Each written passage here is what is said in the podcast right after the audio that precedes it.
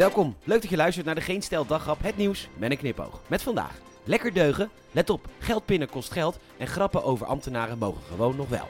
Mijn naam is Peter Bouwman, dit is het nieuws van maandag 28 maart.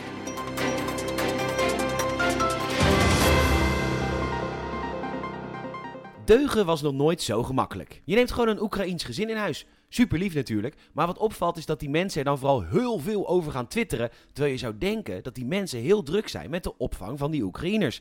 Wacht ski, ik moet nog even op Twitter ski. Oh, ik moet nog een foto. Yes, stand together, stand together, niet lachen, no smile, sad, sad face. Het AD kopt met een verhaal dat een Nederlands gezin uit Nijmegen voor de deur stond bij een opvang al daar. Ze kwamen hun Oekraïense gezin terugbrengen. Heb je het bonnetje nog? Ja, zegt het AD, gastgezin zijn lijkt makkelijker dan het is. Ja, waarom zouden mensen denken dat het makkelijk is? Misschien omdat al die stinkend rijke BN'ers met derde, vierde huis en vijfde, zesde kamer de hele dag foto's van hun Oekraïense gezin aan het photoshoppen zijn. En het is echt wel lief bedoeld hoor, maar, en dat zegt ook het Rode Kruis, weet wat je doet en of je de middelen en ruimte hebt. Heel veel mensen denken gewoon niet zo lang na. De reden dat de asielen nu vol zitten met coronahonden en coronakatten. Bij twijfel niet doen, dat maakt het alleen maar schrijnender. Oh, en als je het wel doet, je hoort het nu van mij, zodat je er niet over hoeft te twitteren. Je hebt een hart van goud, ik zo, ik zo. Alles wordt duurder. Waar houdt het op? Nou, niet bij de banken. Want het Klachteninstituut Financiële Dienstverlening, Kivit, heeft de ABN AMRO namelijk toestemming gegeven om geld te vragen als klanten meer dan 12.000 euro per jaar pinnen. Het Klachteninstituut wordt natuurlijk gefinancierd door de aangesloten financiële dienstverleners. Maar goed, hun oordeel is toch bindend. Twee mensen waren een zaak gestart omdat zij vinden dat je al betaalt voor de bankrekening en daarmee dus voor de gehele dienstverlening. En nu lijkt 12.000 euro veel geld, maar voor mensen met een krappe beurs die met contant geld er een duidelijker uitgavenpatroon op kunnen nahouden, is dat 1000 euro per maand. En als er meer wordt, moet de klant 5 euro per opname betalen en 0,5% over het gepinde bedrag. De Consumentenbond en Budgetinstituut Nibud hebben dan ook kritiek op de uitspraak, aldus nu.nl.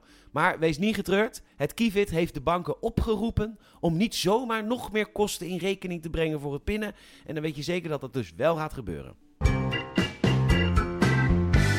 Mooi verhaal in het AD over relatietherapeut Annette, die zelf is vreemd gegaan. Ze spreekt erover in haar podcast Op zoek naar liefde en is open en eerlijk. Het verstand zegt: dit is niet oké, je lijf kan geen nee zeggen. En wij zeggen Annette voor president.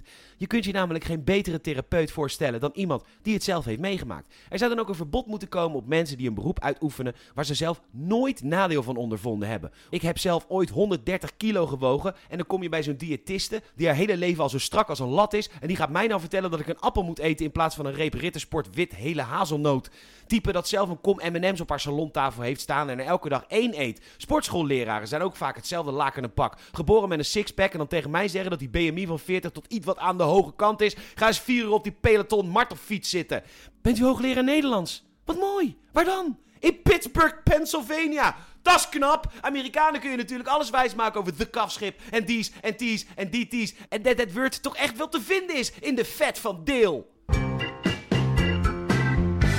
Er gaat geen dag voorbij of de Taliban scherpt de regels aan voor vrouwen. En nu mogen de Afghaanse vrouwen zonder mannelijk familielid het vliegtuig niet meer in. Wat een fantastisch plan, Amsterdam Pride. Een buddy systeem waarbij elke homo maximaal één toegewezen hetero krijgt. En die moet dan ook precies doen wat je zegt. Zo benieuwd welke innovatieve plannen de Taliban morgen weer lanceert voor de Pride.